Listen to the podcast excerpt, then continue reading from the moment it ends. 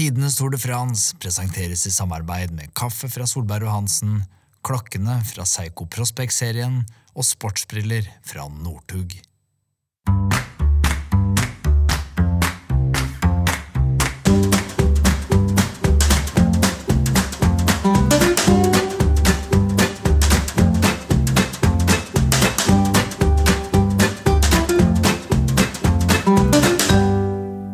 Velkommen skal eh, du være til tidenes Tour de France. Og her sitter vi. som Pasta alltid. Toby!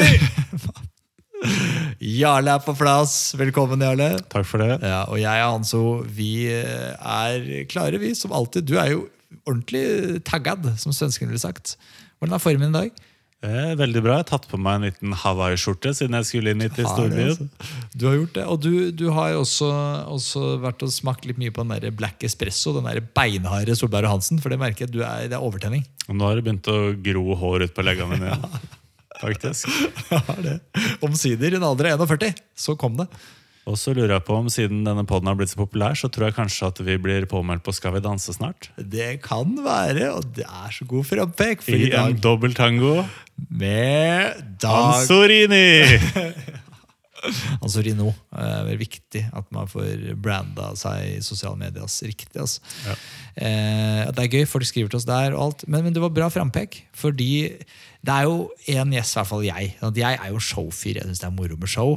Men han fyren vi skal møte i dag, han knuser jo meg og alle andre på show. Altså Vi skal møte en helt, selveste Dag Otto Lauritzen.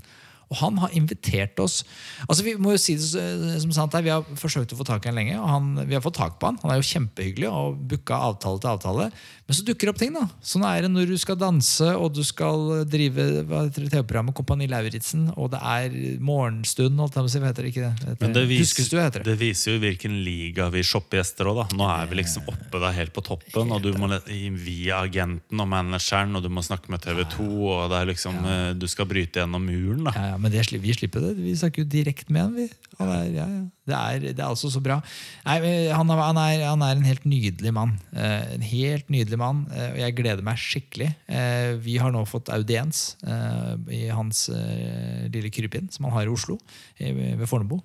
Det er vel Bærum, skal man være helt presis. Må ikke si hvor det er, for da kommer Der kommer fansen. folk, ja, det er feil. Vi skal et helt annet sted. Eh, og, Bjoneroa.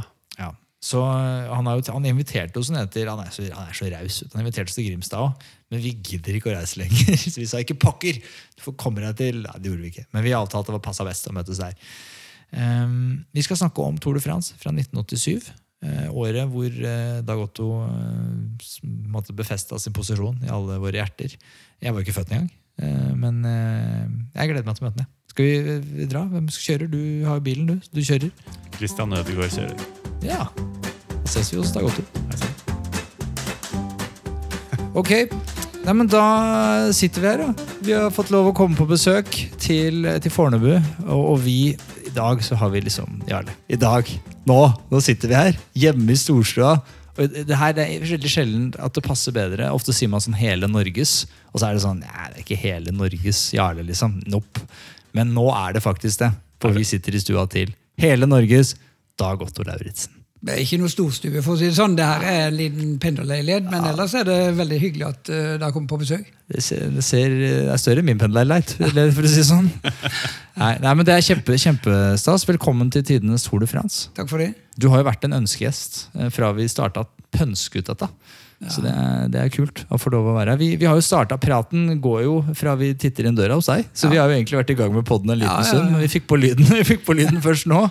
Eh, og du har jo allerede nevnt at det er et par du har hørt på. Det syns vi er kjempegøy. Hva syns du så langt? Nei, jeg syns det er bra. Det er mye sånn øh, øh, kommer, Minnene kommer jo litt når dere begynner å prate. Og det er klart at mange av de som lytter på denne poden, fulgte vel ikke med på sykkel på 80-tallet og tidlig 90-tallet. Så for mange så er det jo mye nytt. Men øh, så er det jo enkelte ting som en reagerer på, da. Ok. Og øh, der hadde jo Gino på besøk. Øh, Han er jo belgier, og jeg er jo ikke akkurat belgier, men øh, det var mitt reserveland. For jeg bodde ni år i Belgia. Du er og- veldig populær i Belgia, er du ikke det?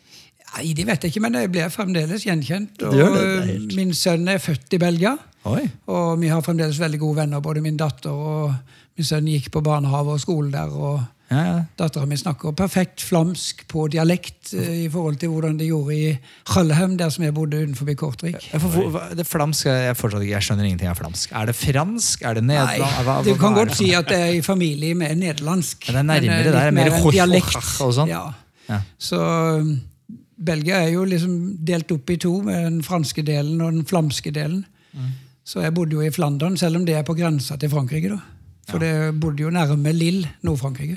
Men var det noe du skulle arrestere oss på? Det. Det var det. Ja. Ja, ja, ja. Ja, Det var Gino, som er fra Belgia. og Ja. Han er jo tydeligvis en del yngre enn meg, så han har jo fulgt med en del på sykkel. Men så begynte jeg å snakke litt om VM i 1990. Ja. Det skulle han ikke gjort, si. Jo, altså det vekker for meg øh, kanskje noen av de verste minnene jeg har fra hele min sykkelkarriere. Men øh, Jeg jeg har vel aldri vært så nærme å bli verdensmester noen gang. Eh, og så sier han at øh, han øh, The Wolf. De Wolf, Dirk de Wolf, som jeg var i brudd i sammen, i siste delen av finalen. At han uh, ga meg en ørefik, men Ja, det det er fullstendig motsatt. For jeg, jeg hadde kjørt opp fra feltet, opp til et brudd. Uh, Og det bruddet lå bl.a. de Wolf i. Eh, han var ganske sliten, de hadde kjørt lenge i brudd. Men uh, det så ikke ut som feltet uh, la ned nok arbeid til å hente. Så kjørte jeg fra eh, feltet opp til det bruddet, og så kjørte jeg fra det bruddet ganske fort. eh, og da fikk jeg med meg De Wolf. Og i den siste harde bakken, eh, som går litt i serpentiner var en ganske tøff bakke med en veldig tøff utforkjøring, som jeg annet hadde velta helt i starten av løpet. Vrengte bakhjulet, og hele skinka mi hang ute, hvis du hadde sett på noen gamle filmer fra det VM-et. Så ser han altså uh, Rudi Danens, som dessverre er gått bort, men som òg var lagkamerat fra PDM, vel Ja, ja. Uh, kommer et sånn lite minutt bak alene. Da har han gått ifra og, og jakter, og jeg ligger da i sammen med De Wold foran. Akkurat i det bratteste partiet så tar han av opp handa, den ene handa, og så vinker han liksom Hvorfor? Altså, må du gi det liksom bak der? Til deg? Eh, nei, til det var damen Ja, ja, som ja, kommer ja, ja, innom ja. og Ja, nær forbi. ja, ja. Så vrenger han styret og velter. Så kjører jeg rett i han. eh, og velter òg. Og jeg gikk i bakken og reiste meg opp igjen og slo et svingslag. Som, du, som ligger på TV Norge. For jeg tror faktisk det, det, Dag Erik kommenterte det sykkel-VM. Du ser at jeg ga han et svingslag, men jeg var to centimeter fra nesa hans. Det traff ikke. Så reiser han seg opp, retter på styret på sykkelen, setter seg på sykkelen og kjører av gårde. Det henta dagen så de fikk gull og sølv. Min sykkel var ødelagt, så jeg måtte stå og vente på følgebil. Så det kunne vært ditt Som var eh, altså, VM-gull? det var altså så nærme. Du var i form på den tiden òg, liksom Jeg var i mitt livs form den dagen, i hvert fall, og gikk jo i kjelleren etterpå. Selvfølgelig. Etterpå sånn litt sånn mentalt. Jeg har følt at det Er det, hang det med? Altså, er det sånn at eh, fra etter det var 1990, ikke sant? Og, og du har, altså, kjenner ikke jeg helt palmaresen din, men etter 1990 så har det vel gått, gikk det vel en vei? Ja, både òg. For jeg hadde jo en fin avslutning på karrieren. Og du kan si i 93 i VM i Oslo så var jeg jo ganske nærme, for da var jeg jo med i finalen. Det, det har jeg jo sett noen ganger. Da kom det en liten Pass deg nå, amerikaner. Hanso. Du må ikke fyre opp Dagoto mer her nå. Nei, dårlig Men eh, jeg ville bare korrigere at det var ikke Rudi Nei, det var ikke De Wolf som slo etter meg. Nei. Det var meg som slo etter han. Nei. Så faktisk Tore på sporet har du hørt om. Ja. Han eh, inviterte Dirk de Wolf opp til eh, Trondheim. Jeg og jeg satt eh, da, så han hadde spora opp Dirk de Wolf. Så viser, jeg visste ikke at han kom. Så skulle jeg på en måte tilgi han da, og så gi han en klem. eller et eller annet sånt, og Det gikk greit. altså Vi har snakka sammen mange ganger, og jeg har aldri vært bitter på han etterpå. For det er sånn som skjer i det hit og det Men jeg skjønte ikke helt den vinkesekvensen. Hva var det han prøvde å gjøre da? Var det 'hold deg unna'? unna'? ja, eller var altså, det... han prøver å brøle til en lagkamerat som kommer ganske langt bak. Ja. For han bridger Altså, for han- opp til fordi deg, at da. Lagkompismessig så skal jo ikke du kjøre etter en annen belgier hvis han ligger i brudd. Hvis det er fare for at de kan bli innhenta. Ja, ja. Men de endte jo opp med gull og sølv, da. Ja. Fordi sånn han følte deg. Eddie Merckx var jo laglederen. Han kom hen og trøsta meg, for jeg kjørte på Eddie Merckx-sykkel. Jeg satt faktisk og grein litt i Ja, målområdet. Og jeg har ei hel side fra Gazzetta deres Sport, ei hel side fra L'Equipe, det er bilder av meg som moralske vinner av VM i 1990, men det hjalp jo ingenting. De hadde ikke sett slaget, du? Det er ikke så moralsk, selvfølgelig, akkurat det slaget. Men det er vel Nei, men altså, jeg, de mente at det var, Ja, ja, det var nok meg som var den største favoritten i finalen der. ja. Men, men fordi Du slår meg jo ikke som en veldig voldelig type. Og det har jo jeg jo sånn gjengang blant syklister. Det blir utrolig ampert. Men det er vel det at det, er, det bare er så mye adrenalin, og det er så Ja, altså, Jeg er absolutt ikke en voldelig type. øh, Men øh, når du har adrenalin oppi øreflippen og et eller annet skjer, så har nok skjelt ut noen sportsdirektører som har gjort feil når de har langa med eller ikke. og, Ja. og sånn. Så, men så er det glemt det like etterpå. Er ikke det litt viktig òg? Du må sånn- ha et engasjement. Yes, ja, men Du, må, du må ha det, det er et killerinstinkt der. Ja. Og, og jeg, jeg, nå, nå er vi begynner vi være på siden. Vi starter opp på siden, men det er det denne podkasten er. Så det er helt, det er helt midt i blinken. Men eh, sånn som, eh, skal, dette er- Jeg ser det bare utenfra. Jeg er bare en fan. Jeg ser det fra sofaen. Men jeg føler sånn som Tor Hushov da, kanskje litt mer den Han hadde vært villig til å slåss et, slå et ekstra slag, mens Edvald kanskje hadde vært sånn Nei, jeg lar han, jeg lar han gå. Og det er, kanskje, er det kanskje forskjellen nå? Det kan godt være at Edvald har nok øh, Han mangler de lille killerinstinktet som jeg tror øh, Fysikken er jo Alle spådde jo han til å bli den nye store, og Yes. han var jo helt rå i starten, husker jeg, når han ble proff. og og vant omtrent alt det han stilte opp i. Mm. små etappeløp. og Gikk jo over til Sky og var en av verdens beste hjelperyttere. Det var 20 mann i feltet når han satt og taua foran. Men, eh, men Tore Hushovd har jo et annet eh, kan du si, temperament, tror jeg nok. Ja. Eh, Det er jo derfor han òg er Petter Northug. Ed- Gå inn i andre sporter, og Petter Northug han er en killer, da. ja. Men det er vanskelig å sammenligne idrettsfolk, egentlig. Selvfølgelig. Men, men når du nevnte Northug, det er også veldig sånn startnummer på og av. Fordi utenfor sporet så er Petter er liksom eh, litt sjenert og rolig. Mm. Og noe helt annet enn når du ser han liksom i det mest infernalske, da, når han skal ha det gullet. Ja. Det er jo villdyret der. Og Edvald også er jo annerledes på sykkelen enn han er av. For ellers hadde han ikke vunnet så mye. For du Nei. må jo dytte unna en del eh, ryttere. Helt klart. Hvis du ser på resultatet, eller palmarès, som du kalte det, til Edvald, så har han gjort utrolig mye bra. Det er nummer to i VM i. Nederland, og du kan si han vunnet etapper i Tour de France, og han ble så forbanna når uh, Hesjedal, Tor Hushovd og Edvald var i finalen der. At dagen etter så bestemte seg jeg skal vinne. Så gikk han i brudd den dagen òg, og så vant han. Så han har eh, temperament. Det har han absolutt. Ja, ja, ja helt klart.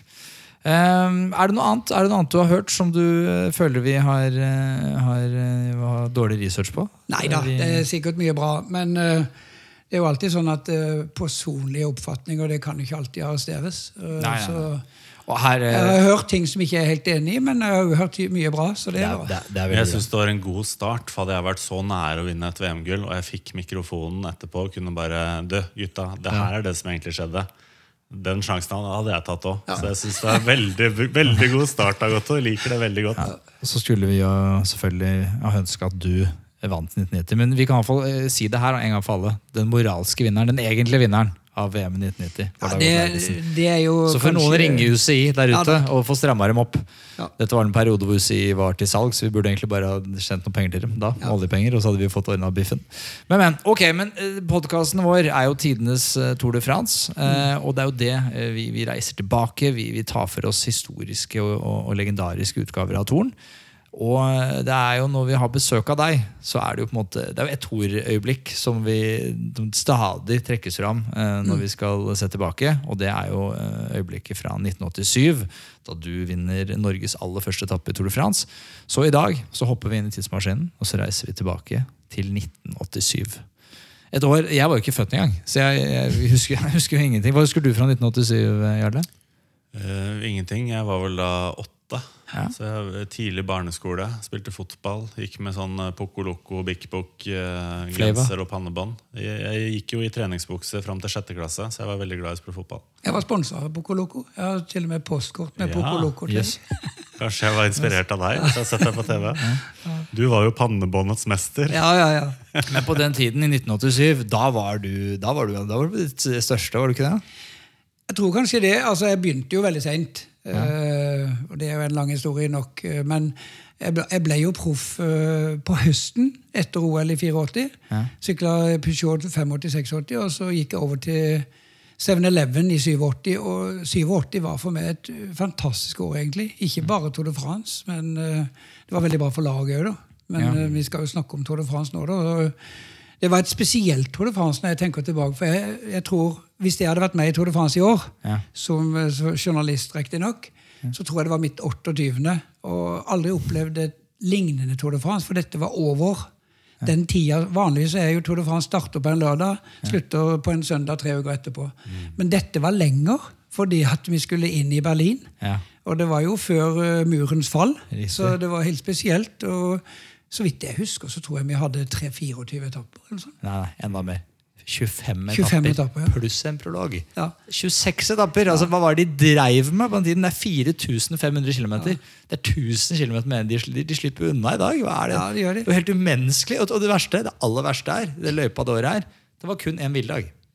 Kun en villdag, og så så husker jeg selvfølgelig ikke veldig mye detaljer, men jeg kan òg huske og det har jeg jo opplevd siden òg, men at det var ekstremt varmt i perioder. Ja. Det var sånn uh, hetebølgetendenser med 30-35 varmegrader. og du, du så at olja pipla opp av asfalten, og du følte at du kjørte i, i ei sumpmyr. liksom. Sykkelen var sydd fast, akkurat som når Belocchi var det ikke han som Ja, ja. velta i den ene etappen.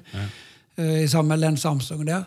Sånn asfalt var det. Så flere var vel asfalten kanskje dårligere på den tiden òg, så det var mer Jeg syns alltid asfalten har vært dårligere i Pyreneene enn i Alpene. Ja. Men eh, jeg vet ikke om sta veistandarden var så mye dårligere. Men eh, det var i hvert fall et tøft Tour de France. det var det. Spesielt. Hvordan var det i starten der? Altså, det var i Vest-Tyskland, eller var det også inne i Øst-Tyskland? Og hvor spesielt var det å komme inn der? Jeg tror ikke Vi hadde egentlig ikke lov til å gå inn i Øst-Tyskland. Eh, så vi bodde jo i Berlin, eh, hvor vi hadde starten. Og jeg husker veldig godt en spesiell historie som er litt artig. Da, for vi var jo på et amerikansk lag. Ja. Vi var jo inne i, i Vesten, på en måte, men så hadde du muren og Checkpoint Charlie rett i nærheten. Eh, og når vi skulle, det var jo prolo, eh, det var lagtempo ganske tidlig. Det var faktisk lagtempo i Berlin, så vidt jeg kan huske. Ja.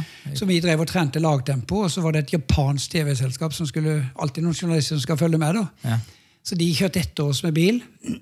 Og så på en eller annen eh, måte så dro, dro vi oss nedover mot Checkpoint Charlie. For jeg tror vi hadde et vendemål eller noe sånt som ikke var så langt unna. Så kjørte vi for langt. Uh-oh. Vi var jo egentlig innom eh, steder vi ikke skulle. Og den japanske følgebilen sydde jo fast i den siste rytteren og kjørte etter oss. Og ble arrestert på Checkpoint Charlie-grensa. Vi bare snudde rundt og kjørte, kjørte ut igjen og kjørte videre. Og Senere fikk vi jo høre at de ble jo arrestert, de her eh, folka. De to kameraene, de to filmene og hele pakka. Så de fikk jo kjempeproblemer. Ja, shit. Så det var litt vittig. Ja, helt annen tid. Men du, du sa sesongen var god. Vi, vi snakker jo ofte litt om oppkjøringen og favorittene inn. og sånn. Hvordan var sesongen din av det, det året? Hva skjedde innledningen til Tour de France? Hvilke ritt deltok du på? Altså, jeg skulle selvfølgelig ha gjort litt research i min egen Var det ikke da du vant uh, Tour de Trump, eller hva de kalte det? Var det i 87? Ja, Var ikke de, ja? Er du sikker? jeg, tror- nei, må jeg jo google som det søren, da, men jeg trodde det. Det må vi høre litt om. Uansett, du har vunnet Tour, Tour de Trump. Få høre Nei, det var ikke det året. Sorry. Nei, men Få høre om dette. Ja, men Tour de Trump, var ikke det i 88? Jo. Var det jeg trodde. Men jeg tror jeg ble nummer tre i i Flandern. Men jeg vil høre om Tour de Trump. ja. Han er jo ikke, så du, har, du har vunnet Tour de Trump, og da selvfølgelig møtt eh, Donald Trump. Jeg har møtt Donald Trump. Jeg var jo uh, stadig på podiumet sammen med han. Uh, han var spesiell den gangen, og han er jo enda mer spesiell i dag. Da, men Kjenner du han igjen når du ser han i media? og sånn nå? ja, uh, jeg tror ikke han hadde kjent meg igjen, for å si det sånn. Men uh, du kan si uh, han, han skulle liksom promotere seg sjøl. Ja. Hva driver han med fortsatt? Han, han drev jo med penger og investering i eiendommer, og, og var jo en eiendomsmagnat og hadde masse kasinoer i Atlantic City, blant annet. Siste etappen, Vi bodde jo i noen av de Jeg husker jeg bodde i noen suiter som han eide av disse forskjellige store hoteller og sånn. Så vi, vi fikk jo luksustreatment. Det gjorde alle rytterne. Så det var fantastisk å være med og konkurrere i USA. Jeg husker òg at uh, han tok meg med på hel helikopteret med noen livvakter og noen få ryttere til på laget. Vi var ute på hans yacht, som heter Trump Princess. Som var, han skrøt av at det var verdens eh, dyreste og fineste private yacht. Yes, det høres ikke ut som han. Den hadde han kjøpt av en våpenhandler som heter Kashyogi. Selvfølgelig.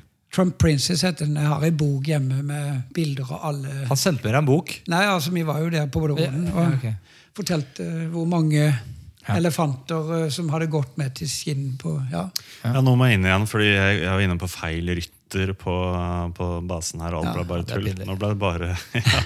Men jeg har gjort litt research på det, faktisk. Og det du gjorde i, i forkant her, var at du vant Rund om den Henninger Turm. Er det ikke det vi kaller 1. Frankfurt nå? Det var faktisk verdenscupløp den gangen. Yes, det var det. Uh, og det var jo et uh, langt løp, uh, tøft løp. Og det for meg så var det en fantastisk seier. Og har ikke Alexander Kristoff òg vunnet i løpet? Han har vunnet fire ganger, tror jeg. Det er favorittløpet hans.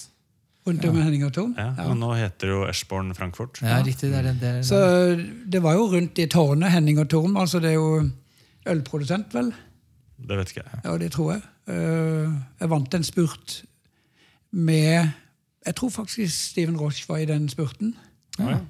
Eh, Syv-åtte mann. Og Bob Roll, min eh, gode lagkamerat og hjelperytter og kollega faktisk som kommenterer for amerikansk TV, han eh, dro opp spurten for meg. Vi hadde klart å rykke ifra en syv-åtte mann på slutten. Og innover der så sa jeg nå bare å kjøre så alt du kan til siste sving. Og så går det slakt oppover. Så jeg likte best uh, spurter. Ikke sånn som Tor Hushovd, men en slag oppoverbakke.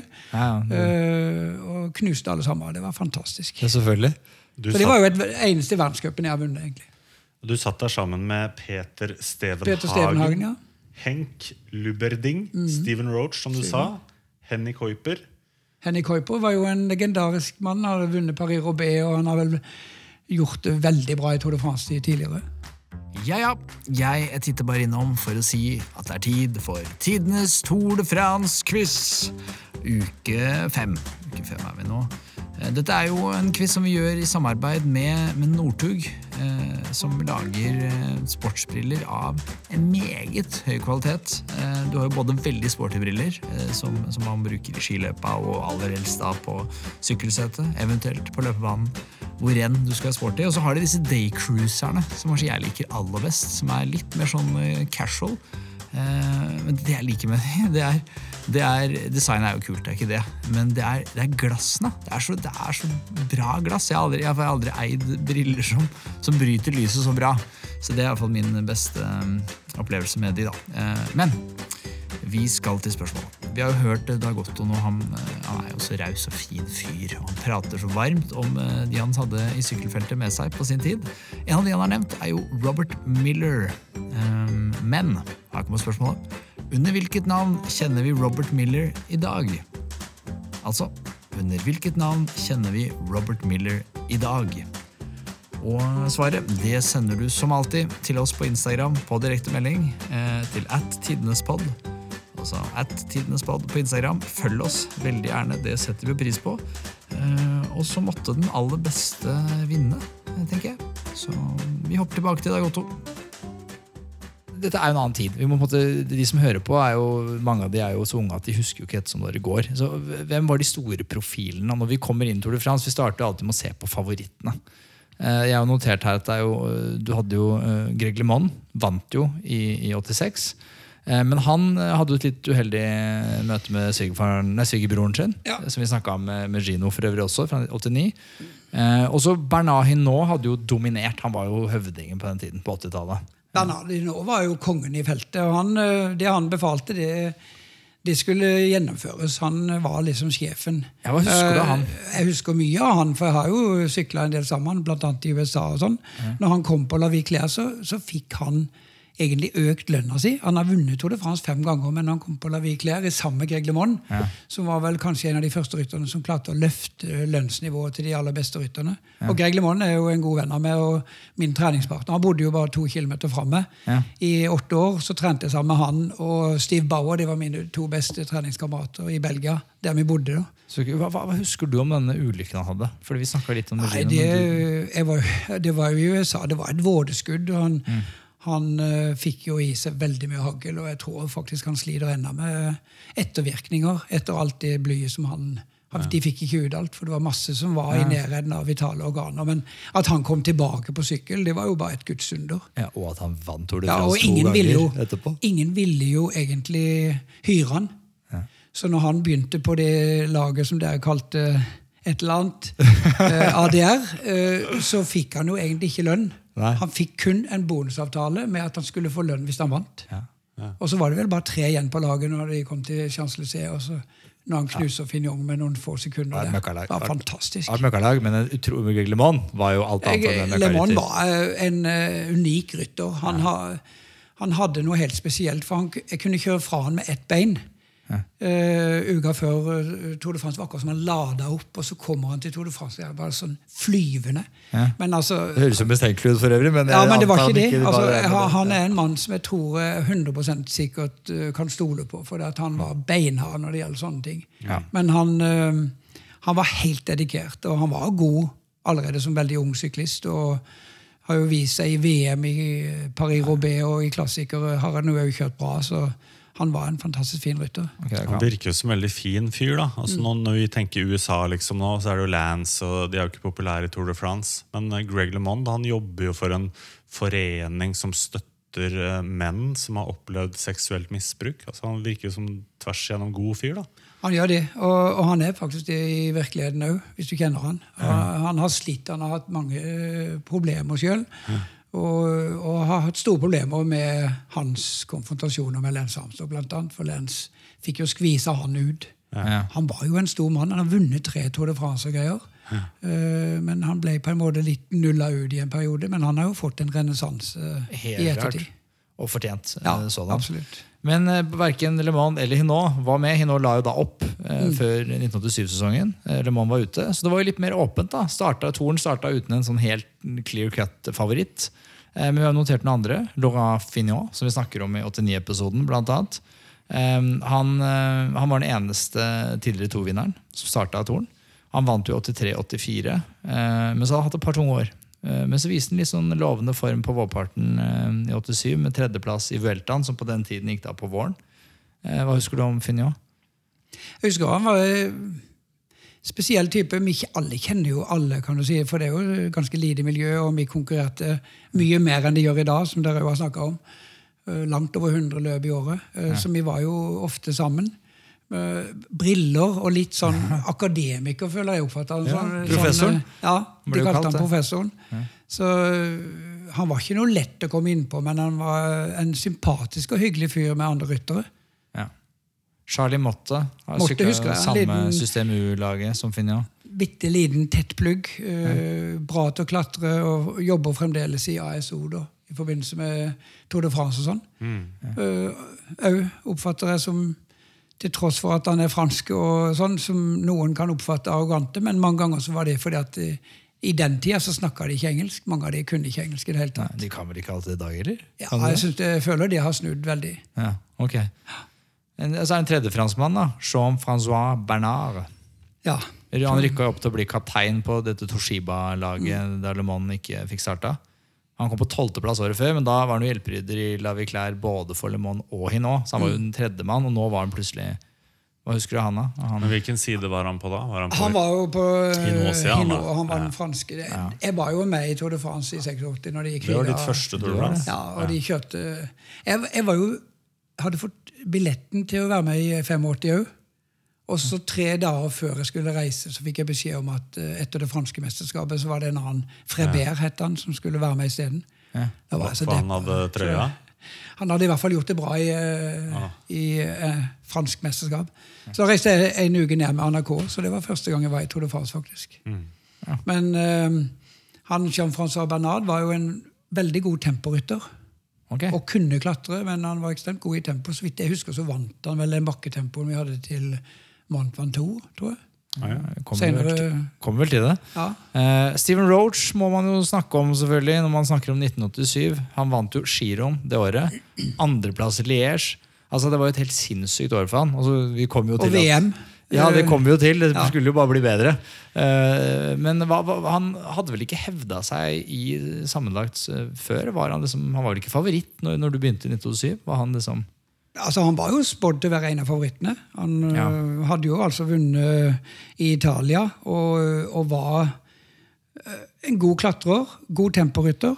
Og så var det jo en kar som absolutt jeg hadde kontakt med, fordi at uh, vi som var engelsktalende, Ja, ja. hadde jo mye mer kontakt. Og altså, han og Sean Kelly, de to er fra Irland. De var ikke verdens beste venner, men de var heller ikke uvenner. men de øh, Kelly snakker sånn dialekt at uh, begge to er fra Irland, men når de snakker sammen, så snakker de fransk. det er vittig. Det var Seriøst? helt, helt seriøst. Vi har hørt, jeg har hørt Sean Kelly i et intervju. Det er, jeg skjønner ingenting. Nei, altså, det, er, det er som å snakke du med skal være- skal, Jeg skjønner ingenting. Du skal være ganske kjapp i oppfattelsen for å forstå alt han sier. Jeg er ikke god nok engelsk, jeg. Men han, er jo, han var jo en bonde.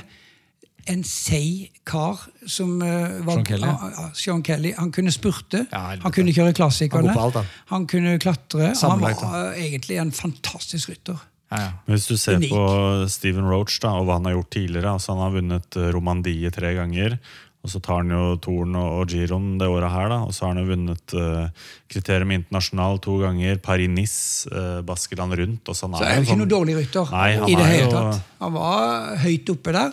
Og du kan si uansett om Le Mans og Fignon hadde vært med Nei, Le Mans og Hinot hadde vært med, så hadde han vært en sånn potensiell topp fem-favoritt. Ja. Ja. Pedro Delgado, vi nevne, han, han, øh, vi husker han fra 1989-episoden eh, også. Jeg tenker å sette lytterne litt inn, så Det er jo litt de samme navnene som går igjen. Pedro Delgado er en liten eh, klatrer. Òg godt humør og en lett å komme i kontakt med til å være spansk. Ja. Eh, Jeg snakker jo ikke flytende spansk. Knota i vei på litt fransk og blanda meg litt av hvert. Men han er en type som jeg fremdeles snakker med, for han jobber for spansk Ja. TV. og Alltid godt humør og tar seg ikke sjøl høytidelig i det hele tatt. Veldig fin fyr. Han blir sett på som en outsider, kanskje. Også. Jeg har en liten eh, fun fact på han. Ja. Det er ikke så veldig fun, men uh, han eh, ble topp ti uh, Åssen var det her? I løpet av 18 Grand Tours så klarte han topp ti-plasseringer. Så han var veldig consistent. da. Alltid topp ti. Ja. Yes, Alltid med oppi der. Det høres ut som Haimar Subeldia. der. Og det er jo ikke så Ja, ja. positivt. Eller nødvendigvis. Uh, Ja. Ja, ja, ja. I den tida, Det var jo en mann som kjørte alltid kjørte i Tour de France, Italia rundt og Spania rundt. Han kjørte alle tre. Som ingen brydde seg noe om, liksom. Ja, Men Var så var han jo oppi der og var super hjelperytter. Ja. Og så var det noen colombianere jeg nevnte her. Luis Herrera, Fabio Parra. Eh, Dette var, det var et lag som var med Café de Colombia. Dette var litt før colombianerne hadde liksom tatt eh, sykkelsporten som de i dag er jo colombierne. De regjerer jo, de ruler jo. Når det gjelder Café Colombia, så digga vi jo egentlig det. For vi visste jo at colombianerne var gode til å klatre. Og det er jo egentlig generelt mange gode syklister der. Men uh, de dro jo med seg kaffe. Ja. Jeg elsker kaffe, sånn som alle syklister. Espresso-kaffe, sterkere jo bedre. Og sko med på toppen. Og Ja, ja. de var sponsor for klatretrøya.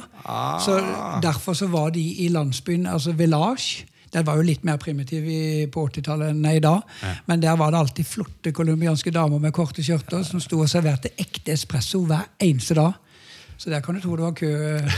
Og, og du kan si, når colombianerne kom og begynte å gjøre sitt inntog i Tour de France, så var de jo frykta i fjellene, men de var håpløse i feltet. Ja. Og de var håpløse når det var den første uka i Tour de France, som alltid er nervøs. Ja, ja, ja. Det kjøres og det rykkes fra høyre og venstre, det er kamp om posisjonen og det er en del velt. Da kan du love deg at det var mange colombianere som de hata det. Så med en gang vi kom inn i fjellene, så var det bing, bang, bong. Etter hvert så har jo de blitt eh, et helt annet kaliber, og bestrer egentlig både Ja, å De kjøre i fortsatt er fortsatt relativt og... jentete på temposykkelen. Nei, det er colombianere som kjører bra tempo òg, altså. Ja, ok. Ja, det ja. Jeg har litt bakgrunn her. Jeg tror Kaggestad var innom her, med hvordan det liksom kom til Tour de France. Ja. De ble først sluppet løs i Tour de l'Avenir. Og Tour de l'Avenir det er nå liksom ungdommens Tour de France. Men tidligere så var det ganske tøft etappeløp. Men du kunne, du måtte være under seks- 26 år for å bli med der. Jeg skulle si det var under 1,66 for å være med. Veldig kort. Så det, Nei, men Det var faktisk tøffere å vinne Tour de den gangen, Ja. for det var mye hardere konkurranse. Det var mange mer etablerte proffer som kunne være med. Ja. Så i 1980 var det en som het Alfonso Flores som vant Tour de l'Avenir sammenlagt. Og tre år seinere ble de invitert til Tour de France for første gang. Så nå har de vært her i fire år da, før, før vi kommer hit. Og, og flere av de var jo amatører. Eh, Sånn som han Lucho Herrera, for eksempel. Han vant på Alp d'Huez han som amatør. Men det her begynte jo da å endre seg, og da kom dette Café Colombia inn, og de ble proffryttere, og det ble 24 colombianere i stallen. Og så har det på en måte vært et fast innslag fram til det laget gikk ned på starten av 90-tallet. Men nå er det jo i de store lagene. altså Colombia er jo en stormakt. Ja. ja, det er jo absolutt det. Og så, du kan si Det som det var en farveklatt, det at eh, de som kommenterte eh, selve Tour de France fra Colombia, De, Ja, ja. de er jo holdt på nesten helt til nå. Sitter og kommenterer i en mobiltelefon. Sitter i en mobiltelefon og prater så høyt at alle i eh, sonen kan høre de. Uh, og jeg har vært i Colombia og lavt på jul med Dagotto sammen med Christian Ødegaard og besøkt Lucho Herrera hjemme hos han. Kult. Det var fantastisk. Ja, ja, det det var en artig opplevelse. Og så må vi jo komme, må vi snakke om da, laget ditt. da 7-Eleven som du sykla på eh, på den tiden. Eh, Andy Hampson var vel kapteinen deres. Han var kaptein. Hadde dere trua? Ja. Han hadde blitt nummer fire når han var hjelperytter for uh, Greg LeMond. Mm. På Han ble vel egentlig fire det året når de kriga med Hinault og Le Mans, gjorde han ikke det? Og vant den hvite trøya, ungdomstrøya. Ja, mulig. Eh, Så han var han er superekstrem eh, god klatrer. Ja. Kanskje noe svak eh, på tempo. Ja. Og vi måtte beskytte han i feltet, men egentlig en veldig sympatisk amerikaner som har ofte vært med hjemme i Norge og besøkt med Ja. i, i de åra vi sykla. Ja, vært på mange sykler rundt i Grimstad. Mange sykkelturer. Hva var din rolle det året her? Altså, var, det, var det beskytte Hamsten? Hadde du, fikk du, du, åpenbart har du, fikk du gå for dine egne sjanser etter hvert, men hva var liksom Ja, du kan si, plan A? jeg hadde jo en ø, fri rolle, men vi hadde jo ø, Alcala, som òg var ø, en ung rytter som kom fra Mexico. Han kunne nesten ikke engelsk når han kom, når jeg snak, ble kjent med han første gang. Eh, Men en fantastisk klatrer og en fantastisk temporytter. Så både han, Alcala og Hamston, men det var Hamston som var den uh, beskytta kapteinen. Alcala var vel egentlig vårt uh, kort nummer to. Ja. Og så skulle vi andre hjelpe de til å gjøre det så bra som mulig. Og eventuelt òg gikk vi for etappeseiere. Så ja, det var min rolle, egentlig. Ja. Vi var vel innom Alcala i 1989, tror jeg. For da havna han i gul trøye helt i starten der. Riktig. Ja. Men han vant jo hvit trøye i 87. Stemmer. Ja, vi Det vil si ungdomstrøya. Ja, ja. Ok, nei, men Nå har vi snakka litt om favorittene, hvem det var som prega feltet. Vi får bare brekke i gang med toren, altså Tour de France 1987. Som du sa, starta i Berlin, for det var feil markering av 750 år siden Berlin ble grunnlagt. Starter med en prolog. Eh, og Den er på 6,1 km, og der henger vel egentlig de fleste sammenlagsrytterne med. Den blir vunnet av jeg er dårlig på å uttale navnet, men Gel Neidam. Gel Neidam, Ja. Gel, ja, eh, i Superconfex. Og så er vel den store overraskelsen er vel egentlig andreplassen her. For det er en mann med navn Lech Piasecki. Ja, altså, det var ikke noe overraskelse for de som fulgte sykkel den gangen. For han Nei. var jo en eh, Altså, det her var en kort prolog. Ja. Uh, var det seks kilometer eller et eller annet sånt. Ja. Eh, samme gjelder Neidam. Eh, han var en sånn en type som kunne vinne etapper ved å gå de siste to kilometerne. Ja. En eller to kilometer før mål så gikk han, så var det ingen som klarte å ta hjulet på han. Men eh, sånn var Piasecki òg. Altså, utrolig trøkk i beina på kort distanse. Langspurte, liksom. Altså, Ja, altså, du- skal jo ha Veldig trøkk i god beina. temporytter. Ja. Ja. Sånn som Knut Knutsen kunne ha vært vinner 4000 meter. Her er 6000 meter, liksom. Ja, ja. Så holder de tempo. Så, men så har vi glemt én mann. Ja. Min eh, tidligere lagkamerat. Eh, og bodde nabo med meg de første to åra. Robert Miller. Robert Miller, ja. Han eh, heter jo ikke akkurat det nå. Eh, Nei, Nå har han jo gjort en sånn kjønn, kjønnsskifteoperasjon. Så eh, en òg ekstremt god klatrer. Ja. Håpløs i feltet. Og på tempo. og håpløs på tempo. Og jeg husker når jeg kjørte sammen med han i 86, så prøvde vi å følge han inn i bakkene når vi skulle begynne på et fjell. Han begynte jo omtrent på fjellet bakerst i feltet. Så kan du tenke deg hvor mange rytter han skulle Allikevel så var han med over toppen. Ja, for det er sønnen hans, David Miller, som er så god på tempo. Nei, det er ikke sønn. Det er ikke sønn. Det er Det er ikke nei. sønn. Nei, Ikke familie i det hele tatt? Ikke i det hele tatt. Yes, Det bare akkurat som Yates, de to brødrene Yates. De er ikke i familie med Sean Yates. Nei, Her Men de har samme navn. Det er som å hete Olsen. det her. Ja. Ja, jeg har bare antatt, jeg har bare antatt Nei, at han var sønn. absolutt ikke. Og Jeg kapsa ikke det. Nei.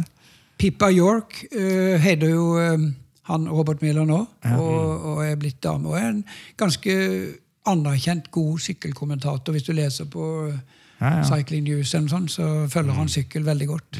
Jeg traff han faktisk uh, sist i begravelsen til Paul Sherwin, min òg gode sykkelvenn fra tidligere, Ja. som gikk bort i fjor.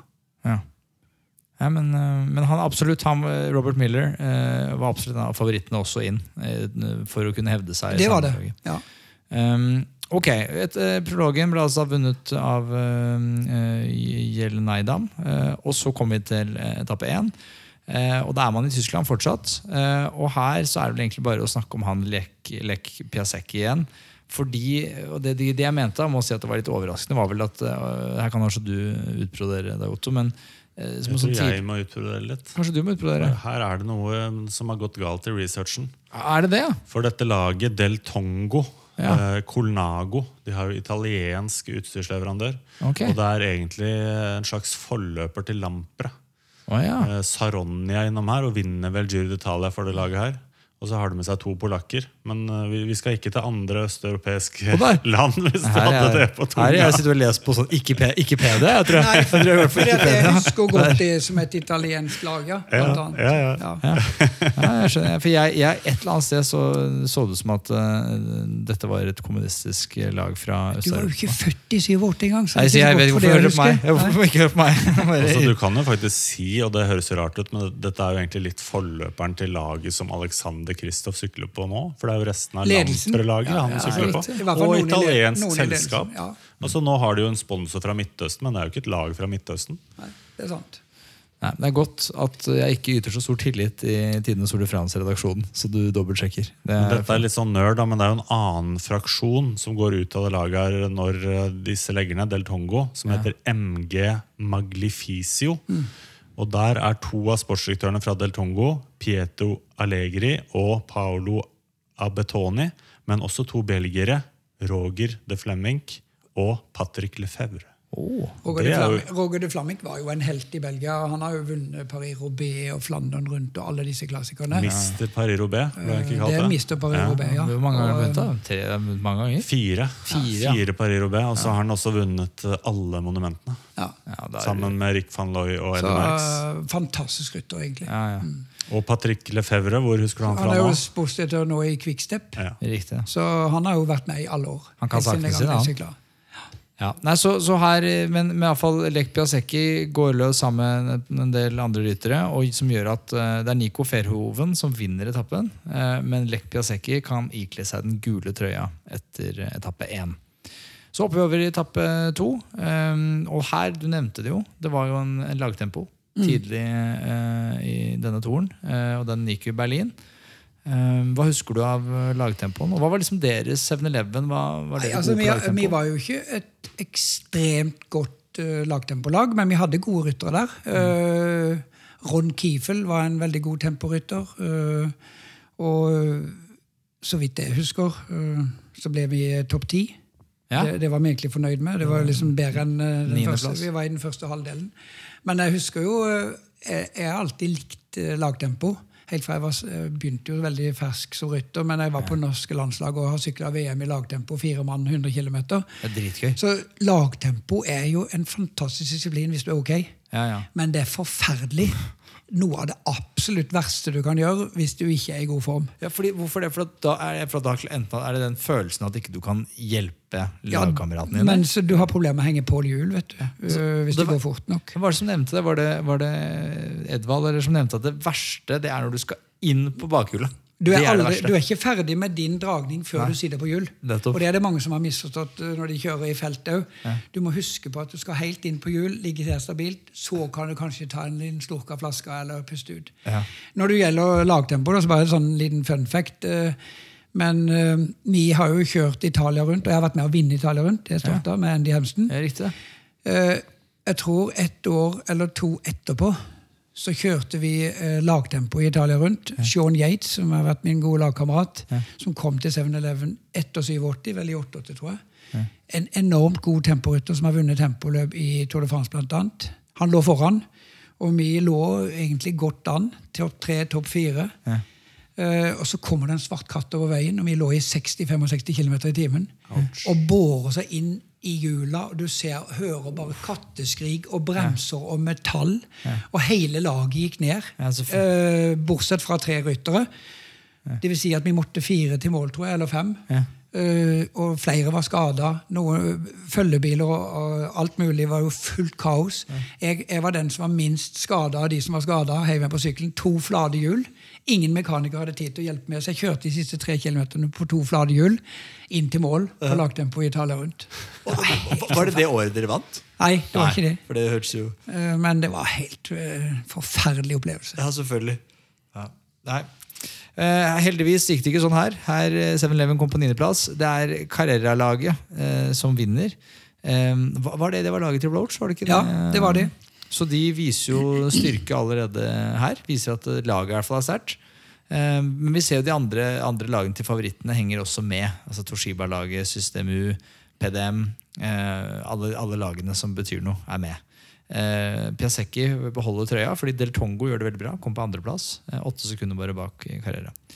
Etappe tre går fra Karlsruhe til Stuttgart. Vi er fortsatt i Tyskland, men her beveger vi oss da mot Frankrike. Eh, og her går det et brudd. Husker du noe her? Fordi her Dagotto viser seg allerede, har jeg skrevet. Etappe tre. Ja, Øh, jeg husker jo ikke så veldig mye, men det var egentlig Vi hadde en ganske åpen taktikk i, i form av at hvis det skjedde brudd, så skulle vi prøve å være med. Vi, hele laget var ikke sånn vi satt og beskytta Andy Hemsen fra starten. For vi var interessert i å være et offensivt lag Ja.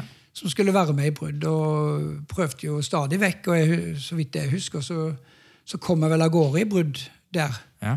Eh, Men jeg vant jo ikke noen etappe. Men jeg var jo i nærheten. ja, og du viste jo at eh, du, du er på, da. Ja, ja. Jeg var, jeg var faktisk veldig Veldig god form det året der. I, For, for det er kanskje ting som folk misforstår, og jeg har misforstått også selv tror jeg, en stund før, men jeg har forstått det nå som at bare det å komme seg i brudd Det er en sinnssyk konkurranse for å komme seg i brudd. Det er ikke sånn at det bare er å de gikk i brudd, og så bør de klare det. Altså, det å få, bare det å komme i brudd er en seier. Og så skal du på en måte slåss derfra, da, gitt at bruddet får lov å gå inn. Eller, jeg synes det er litt fascinerende å se nå, for nå har jo Tour de France begynt å sendes fra start til Yes. mål. Noen tenker at det er kjedelig, for det er lenge, men du kan velge hva du vil se på. Men de første timene noen ganger er mye action. Ja, ja. Det går i 50-55. Det er 100 forsøk før det ene bruddet går av gårde. Og du kan si Å være heldig og treffe den gangen det går av gårde, det er av og til et sjansespill. Og så er det noen som er flinke og har teft til å lukte det. Og så er det noen ganger et brudd bare får gå. Du kan av og til begynne å lure. Men i starten av Tour de France, hvor det er så små marginer mellom ledertrøya og sånn, så er de ikke interessert i å slippe av gårde noe brudd. For da er det bare, hvis du kommer i et brudd øh, med litt ledelse og vinner en spurt der, så får du trøya. Men hvordan får du tissa da, for eksempel, hvis det er støtecup de første to timene? Da må du bare vente med å tisse. Okay, for å si det Du sånn. tisser ikke i buksa? Nei, det gjør du ikke. Jeg gjorde i hvert fall ikke det. Men jeg trente på akkurat det der med å late vannet, sånn at jeg var veldig god til å gjøre det på sykkelen. Jeg sto ikke av. Altså, av og til så ser du hvis for eksempel den gule trøya stopper, Ja. så kan du fort stoppe 15-20 mann til, og så kjører de sammen, for da er de så trygge, for da er de solide. Men øh, det er noen som ikke klarer å pisse på sykkelen, og hvis du får en kompis til å skue deg, eller en slag utforbakke, så må du bare trene på å kunne slappe av. For å sammenligne det. Hvis du er ute og svømmer, Ja. bare prøv på det i havet en gang. Ikke i noe basseng, men i havet. Så klarer du ikke pisse hvis du svømmer. Skal, du pisse i vannet, så må du slappe helt av. Ja, ja. Sånn er det på sykkelen òg. Du må klare å slappe av i musklene, sånn at du får vannet til å gå. Ja, for, for, for dette, er, dette er spørsmål som er, er Men nå føler jeg vi inn på det. Nå har du dratt oss inn dit, så nå er det lov å spørre. Hvordan fungerer de greiene der? Altså, jeg, jeg føler at Noen ganger så ser man på TV at de begynner å filme noe innmari på natur og himmel og fugler og slott.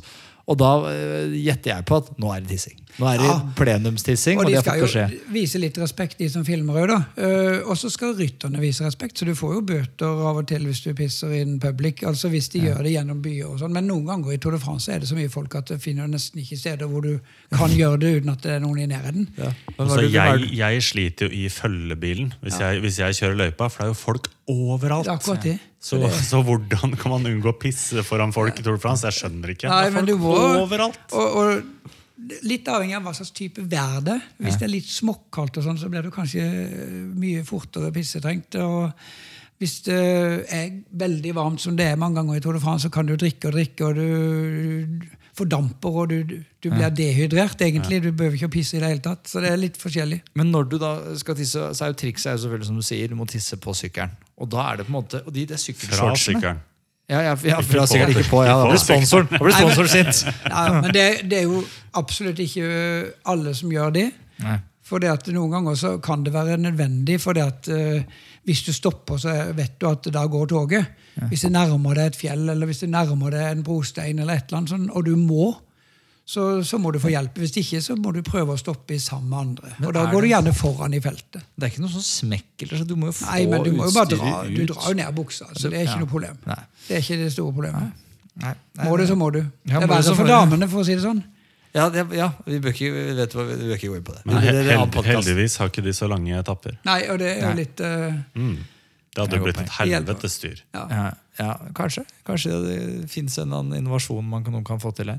Ok, men i hvert fall det, det bruddet, ja. Du viser deg, men du vinner ikke. Øh, det er vinnes, etappen vinnes av Casio da Silva eh, foran Erik Mescher, så det er bruddet som, som vinner dette. Eh, Eh, Han heter Mechler, tror jeg. Me- Mechler. Ja. Ja, Eh, riktig. Mechler. Men Acacio da Silva var en humørspreder. En portugiser som alltid var en spilloppmager. og En god rytter, men en eh, artig skrue. Men vi ser jo her, på fjerdeplass, Ja, vår egen Dag Otto Lauritzen. ikke verst. Er ikke dumt. Nei da. Jeg var iallfall med. Ja, men, ja, og det var jo, jeg- Du husker det ikke så godt, da, så var det tydelig at det gikk ikke så impre at ikke du mm, har vant ennå. Men, men du var i hvert fall med. ja. Eh, og Carrera tar den gule trøya. Og det, det er bare et spørsmål som, som du som kan dette, Er det gjennomtenkt? Altså, skulle man skulle, hvis jeg var sportssjef i Carrera, så ville jeg tenkt at vi skal ikke ha noe trøye. Vi skal jo mm, kjøre for Roach. Du kan si det, det er jo absolutt et poeng, eh, men eh, de har allikevel da flere kort å spille på, sånn at de kan Det er nok andre som har lyst til å ta den trøya. fordi at eh, hadde Roach hatt trøya, så er det litt annerledes. Ja. Men hvis det er en lagkamerat, så tror jeg ikke de nødvendigvis beskytter den trøya med å taue hele dagen. Nei. Så det er jo alltid en stillingskrig den første uka med hvilke lag som vil ta ansvar. og sånn, og Når du har nå Sky eller Ineos, eh, som er liksom et eh, dominerende lag, så virker det som at de på en måte tar den rollen ganske fort. Men når det er litt mer et åpent Tour de France, sånn som dette, så er det jo en stillingskrig med hvem som skal ta ansvar og ikke. og jeg følte vel på 80-tallet, når jeg sykla og sånn, så hadde vi ikke den radiokommunikasjonen. Nei. Uh, vi hadde ikke den kontakten med bilen, og vi hadde ikke de kalkulerende sportsdirektørene som satt inne. Da var det kapteinene, altså oss uh, i feltet, som måtte av og til sitte og beregne og, og tenke ok, hvor langt tør vi å slippe de fra. og sånn. Ja, så det var mye mer taktikken uh, gjaldt rytterne, ikke sportsdirektørene. Ja, for dette er pre-radio. Ja, Vi var vel kanskje det første laget som begynte med radio når jeg kom i, fra 7-Eleven gikk over til Motorola, for de hadde jo radiokommunikasjon. Selvfølgelig, det- og da hadde vi enveiskommunikasjon, og så hadde én rytter toveiskommunikasjon. som Å, ja. regel. Men er det derfor du har det, dette, dette begrepet road captain, som ikke nødvendigvis er lagkapteinen? Altså, vi har vel det nevnes jo sånn som George Hinkepy var Ja. sånn road captain. Hos oss kunne jeg være road captain, faktisk. Ja. Eller eh, eh, Phil Anderson. Eh, var absolutt ikke den mannen, selv om han var en god rytter og som har kjørt til og med gull trøye. Så da er det den rytteren som kommuniserer med sportsdirektøren hvis det, når det var mulig å kommunisere. Men ikke meksikaneren, da. Han fikk ikke lov. Absolutt Sitter ikke. han bare Ola, ola, bla, bla, bla.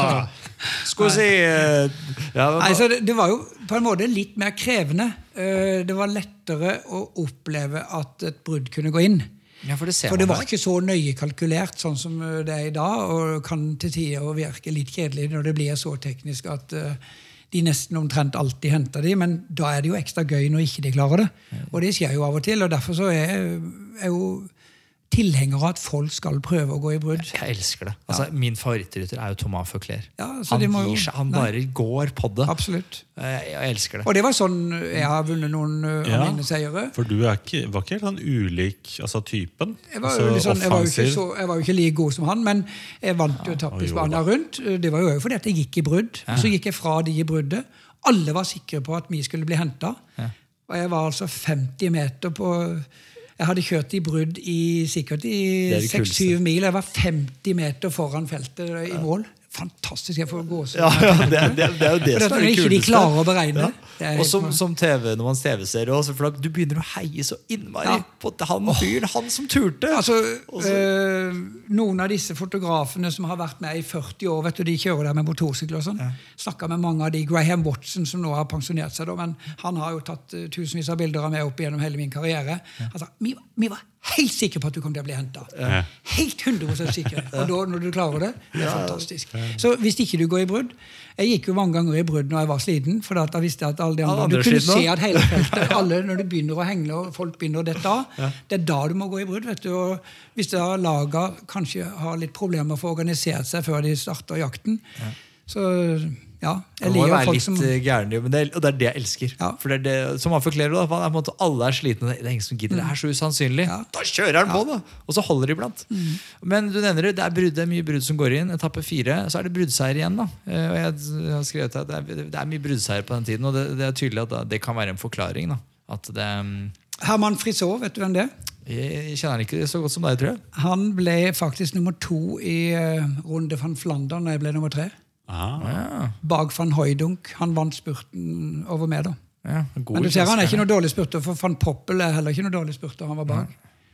Um, men det er Erik Meslier som fortsatt har den gulltrøya, og karrierelaget må stri med å beskytte den. Nå har jeg lyst på Toros kjøttboller. Er Toros kjøttboller du har lyst på, eller? Du har lyst på en klokke? Ja, sånn var det, ja! Sånn var det. Vi, vi har jo en konkurranse gående som vi, vi, vi, sier eh, Dette er jo Vi vil at folk skal rate podkasten. Eh, fordi det hjelper oss veldig med å få ordet ut. Eh, vi setter så enorm pris på alle dere som har rata. Noen sliter med å rate Spotify. Ja, Det er ikke så lett å rate Spotify, så hvis man da ikke har Apple Podcast, så må man rate oss på Facebook eller sende en hyggelig melding. eller sånn. Det viktigste er jo ikke å drive og rate oss, det er ikke det i seg selv. Det viktigste er at man sprer ordet. Det Jeg det blir jo litt glad når jeg får god tilbakemelding. Ja, men det blir vi alle. Vi er jo enkle folk, vi. Ja, ja, ja. Enkle romeriksfolk. Eh, men, men eh, for å på en måte premiere og, på en måte insentivere dere som gjør det, så har vi fått med Psycho på laget. Eh, og vi lodder ut en klokke. En Psycho Prospects Alpinist Limited Edition til en verdi av nesten 9000 kroner. Råstilig sak. Eh, og den trekkes eh, i slutten av når serien vår er over. Så trekker vi en heldig vinner som har rata podkasten vår. Eh, og så det er bare å rate i vei. Send en melding på Instagram eller Facebook når du har gjort det, så vi kan finne det. Og that's it. Ja, back to pod. Back to business. Etappe fem, og nå er vi inne i Frankrike. Og her fortsetter det. Det er lurt å gå i brudd. Det er det han vil drive med. Ehm, det er, jeg noterte at det, er, det var mye velt de første fem etappene. Hva husker du om det? Det var Nei, altså Det var jo det jeg begynte å snakke om i stad, med colombianerne. Det var jo som regel dessverre de som stakkars fikk skylda, selv om ikke det var alltid de sin skyld. Men de var ikke flinke til å kjøre i felt. De var ikke flinke til å flytte seg rundt i feltet og sånn. For Hvor vanskelig er det? For det er sånn som for, for oss som ser på Når jeg sitter og ser på TV, tenker jeg sånn Så, så mye dårlig folk plasserer seg dårlig. Det er bare, jeg, ser- for jeg ser jo selvfølgelig på det beste bildet, oversiktsbildet. De bare, bare flytter seg. Men jeg antar at inni feltet så er det jo helt umulig. Det er Ja, altså- folk overalt. Det kommer alt an på hvordan det går, men øh, det å ha øh, en plass i feltet, det bruker du mange ganger den første uka til å få. Altså, og du må jo selvfølgelig ikke sitte for mye i lufta foran, og du må heller ikke sitte for langt bak, for hvis det skjer noe, så skjer det som regel bak. Jeg hater å sitte bak. Eh, Ja. Selv om eh, det gikk rolig, så likte jeg å sitte foran. Eh, Steven Roche, som du sa kanskje ikke var den største favoritten, han var utrolig flink til å flytte seg. Hvis han eh, kom bakfra, så flytta han seg inn i feltet ubemerka. Bare glei mellom rytterne, ålte seg oppover. Er det fordi han er fryktløs, eller hva, hva er det som Ja, så er det jo litt det at du får respekt i feltet. Ja. Du skal ha litt respekt blant rytterne for å få lov til å passere. og sånn. Ja. Så det er jo av og til en sånn knuffing, og av og til så er det en albue, og av og til så For Hvordan var det som for deg som var norsk? Var ikke, Norge var jo på en måte ikke en sykkelnasjon, så vi hadde, du hadde liksom ikke tonnevis med landsvenner rundt deg som du kunne snakke norsk til. Så du måtte på en måte, Men var det da at du var litt i det amerikanske Nei, men jeg, klikken? jeg, jeg føler jeg var, jeg var god busser med de fleste, om de var konkurrenter eller ikke konkurrenter. Ja. Hadde mange ø, gode venner å sitte og prate med, og sånn, og det er viktig å ha gode venner der. Du var der trenger ikke du. fiender. Nei, du var fi- godt, du. Ja, men du Det trenger ikke fiender. Jeg Nei, nei. hadde absolutt, absolutt ingen ø, fiender der nede, stort sett. Men så begynte det å komme nordmenn. Atle Kvålsvold kom jo, vet du. Og ø, Janus Kum, som da han nevnt tidligere, han ø, kom jo. Uh, Snakka ikke så veldig mye med han, da. Nei, det er ingen som gjorde det. Det ingen som det. Det ingen som på Men, det. Jeg jeg, det. Jeg, jo, jo, jeg, har jo fulgt han fra før han ble proff, og han var jo en eh, fantastisk rytter med en utrolig kapasitet. Ja. Han tenkte litt for mye penger. Det. Tenkte på pengene istedenfor idretten. Jeg har et spørsmål der eh, som jeg tenkte jeg skulle spørre deg om. Atle Kvålsvold, du hjal- hjalp vel han litt med å komme seg inn i sykkelsporten? Og Olaf Lurvik også, mener jeg. Ja, jeg gjorde det. Altså, hvor, hvor mange har du hjulpet ut? Altså, Nei, jeg vet ikke, jeg skal ikke ha æren for det, men de har jo gjort det sjøl. Men jeg fikk jo invitert de inn sånn at de var med og kom til Frankrike og kjørte som amatører. og jeg husker... på det amatørlaget du kjørte Ja. for tidligere? Ja. ACBB. Jeg husker når jeg var proff da, og han flytta ned, så kom eh, Atle Kvålsvold og Olaf Lurvik på besøk i januar og skulle trene litt. og Så gikk vi ut vi skulle bare ut på en liten trilletur på to-tre timer. Så ble det fem-seks. De var så slitne at jeg måtte omtrent bære de opp. i... Det var fantastisk. Jeg glemmer det aldri. Og da var det sånn at da dro jeg de med meg i mine spesialløyper, som var løypene til Flandern rundt. For jeg trente jo i de områdene og bodde i nærheten der. Og da var det sånn at vi gikk i 50 km utfor noen smale kjerreveier, og så var det plutselig 90 grader opp til høyre, inn i en brostein. Patersberg, for eksempel. De hadde aldri vært der før. Og de kom på 53-12, det tyngste giret. Jeg bare svingte inn, og så hørte du bare Og så lå de i grøfta hele gjengen. vet du. Jeg godta meg hver gang. Men, men litt senere så sykla du for Peugeot-laget, Ja. som også ble til det Z-laget som Kålsvold eh, Ja. gikk til etter hvert. Og Ja. der kom jo Rochelle Ski, og der havner Hushovd. Er, er du Lucier var min første sportsdirektør. ja? Hvor involvert er du på en måte i det som skjer der? Nei, altså Jeg er jo ikke så veldig, jeg skal ikke ta æren for det, men Men det var et eh, trygt miljø? Det var Det var jo absolutt, og for og du kan si Jeg kjenner jo og fremdeles er god venn med Roger Lucier, som har vært uh, min første sportsdirektør. Han kom til Norge og besøkte meg i 84 etter at jeg hadde vunnet OL-medalje. eh, og sikra kontrakten. Så sykla jeg for han i to år, og så mista vi Peugeot som sponsor. Ja. Det- Altså Det var velkomsttalen på Champs-Élysées etter at vi hadde kjørt Tour de France. Ikke vunnet noen etapper det året. Jeg og Sean Yates var på samme lag. Eh, Robert Miller var der, og så fikk vi beskjed om at Peugeot trekker seg. Ja. De skal ikke fortsette. Eh, De Så da gikk, da gikk jeg og Sean fra festen. Ja. så lovte vi Lucia at vi skulle vente, for han jobba jo selvfølgelig med mange forskjellige sponsorer. Men så var jeg borte og kjørte Kås Classic i USA, og så kom Djemokovic og banka på døra og spurte om jeg ville begynne der. De hadde tro på meg, og de skulle satse enda mer i Europa, sammen med en som senere har blitt en veldig god venn, Jens Veggeby, som vi to signa da i, i VM i Colorado Springs. Det var der i VM i Colorado Springs. Ja. Hvis du husker Jim, Jim Akowitz fra tidligere, så var jo det han som mente at Kristoff trente for dårlig. ja, riktig. Han som var i BMC. Tidligere sportsdirektør i BMC. Yes. Eh, og, men, men også dette laget du snakker om, han, eh, den franskmannen dere nevnte, det er da var, var sportsdirektør i Crédit Agricole når Hushovd og Mats Kaggestad og Sandro yes. dro dit. han var jo i Peugeot. Eh, Ja. Så ble det jo sett, og så ble det Gann, og så ble det Kredi Agricole. Og der var jo Tore i åtte-ni år. Ja. Så han har jo vært sportsdirektør for oss i, kan du si, oss norske, da. Ja. Så han er jo en norgesvenn. Og har vært med, Vi kjørte jo Postgiro annet i 86, husker jeg. Mm. Jeg vant en etappe. Duclo La Salle vant vel noe. Og han eh, Lucier digga å komme til Norge, og så var vi over i Sverige og kjørte der. da. Han har gjort smart i det. da. Han har jo, han har jo også profittert litt på å hente Hushovd og deg. Og, Hushovd var jo den store helten.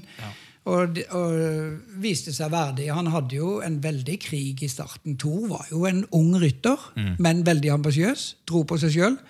Og, og, og ga albuen til Stuart O'Grady, som egentlig var spurtom på laget. og det var, det var en sånn delikatesse for den norske pressen, for de klarte ikke å bli enige om hvem de skulle kjøre for. Den ene det. ble seks, og den andre ble syv, og den andre ble åtte, og den tredje ble så, Og så fikk de endelig Tor. Sa ok, får satse på meg eller ikke. Så satsa han på Tor, og det, etterpå så fikk han ti etappeseier og to grønne trøyer. Så det var et godt valg. Ehm, ok, tilbake til Tour de France 1987. Um, Vi må få unna noen episoder, nei, Ja. noen etapper her. Ja, vi må det. Ja. Uh. Etappe seks Nei, dette, dette er akkurat der vi skal være. Otto. Du, du, dette er er helt akkurat på sida. Det er nøyaktig der vi skal være. Uh, den går fra Strasbourg til Epinal. Uh, første etappe med ordentlig fjell. Går brudd. Eh, og her er det en mann, Raoul Alcala, som vi snakka om i stad, eh, i 7-Eleven. Lagkameraten din. Han er med i bruddet. Eh, går man, altså, tenker man altså gå for trøya? Er det liksom eh, ideen her? Ja, altså Det er jo egentlig å skaffe seg så god tid som mulig før du begynner ordentlig i fjellene. Så du kan si Det er bare en styrke for oss som hadde Hamston som kaptein, hvis Alcala jo hadde eh, god timesplit. Ja, Eh, da hadde Alcala. vi flere kort å spille på. Ja, Alcala. Ja, jeg, jeg, jeg, jeg, som- jeg, jeg sa feil. Jeg sa Alcala. Det er jo, hele Mexico Ja, det, sitter det er jo og fråder. det. kjeften. er liksom, Eh, Men, men når du sier trøya, tenker du da ungdomstrøya, eller tenker du at han eh, angriper gult? Jeg tenkte at de kanskje ville prøve å, å, å få han i hvert fall godt plassert, sånn som Otto sa. da i, i Ja, men jeg tror, ikke, jeg tror ikke han egentlig i utgangspunktet gikk for ungdomstrøya. Men uh, han, han gikk vel for å gjøre så bra plassering som mulig sammenlagt, og hvis det da viste seg at han skulle få ungdomstrøya.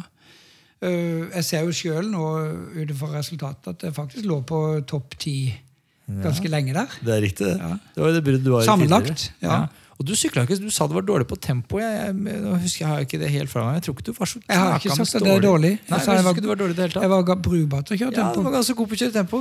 Eh, fall det, det må i hvert fall let the record know at du var ganske bra på tempo. Jeg tror vi kommer til å se det ute underveis her i to Vi hadde en veldig lang tempoetappe på øh, 80-90 km.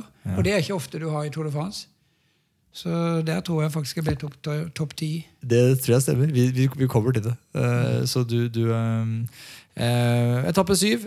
Uh, endelig massespurt i gåseøynene. Eh, Giodo Bontempi vinner Guido. egentlig. Guido. Guido Bontempi vinner egentlig.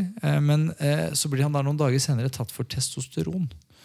Og, og det gøye her er at da tenker man at nå må han jo bli diska. Altså, så det, dette er jo testosteron. Det er jo forferdelig. Hadde Det vært i dag, så hadde det blitt eh, bannlyst i min, minimum to år, kanskje mer.